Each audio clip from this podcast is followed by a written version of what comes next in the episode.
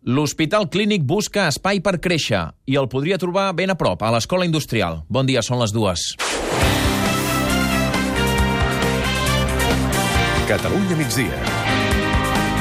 Amb Òscar Fernández.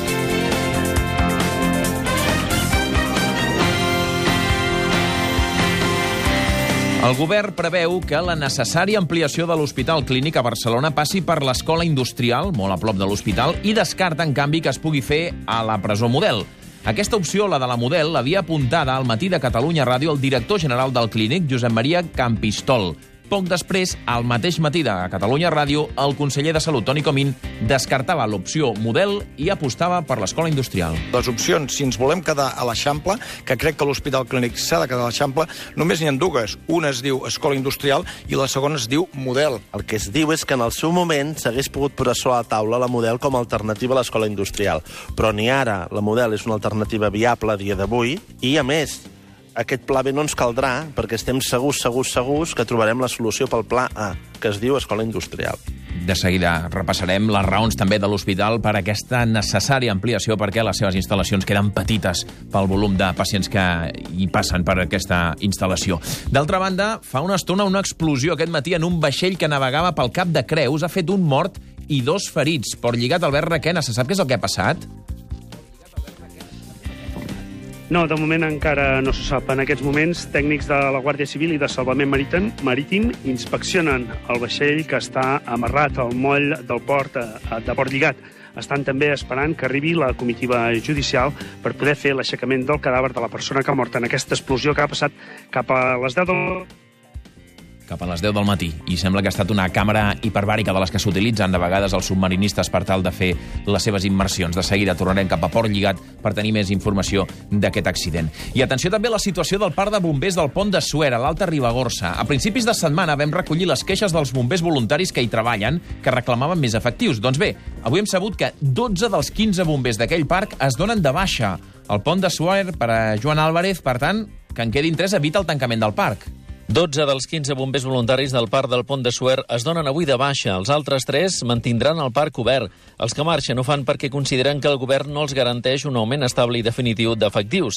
Avui unes 500 persones han tallat durant una hora la travessia de la Nacional 230 al seu pas pel Pont de Suer. I a les pròximes hores hem d'estar pendents de dos temes. Eva Comte, bon dia. Hola, Òscar, bon dia. Primer, el ple de l'Ajuntament de Barcelona ha de decidir aquest migdia si aprova o no una moció presentada pel Partit Popular demanant que el consistori barceloní no doni suport al referèndum de l'1 d'octubre. Sí, pendents, doncs, de saber què votarà Barcelona en Comú i el PSC. De fet, el vot de l'equip de De Colau és imprescindible perquè la moció dels populars tiri endavant. El PDeCAT, Esquerra i la CUP ja han dit que hi votaran en contra. Sembla que en els pròxims minuts, a les pròximes hores, es produirà aquesta votació i estarem pendents al Catalunya migdia. I també és un dia clau pel futur del BCN World. Avui se sabrà quines empreses opten a construir el complex turístic i de casinos de Vilaseca i Salou. Tarragona, Manel Sastre, bon dia. Hola, bon dia. Sí, ara a les dues s'ha tancat el termini per presentar les ofertes definitives per executar aquest complex turístic. Pendents de saber quin o quines dels tres grups inversors preseleccionats han acabat presentant-se un projecte que hauria de quedar adjudicat abans de mitjans de setembre. Fins ara s'havien prequalificat el grup asiàtic Melco, el nord-americà Hard Rock i el grup català Paralada.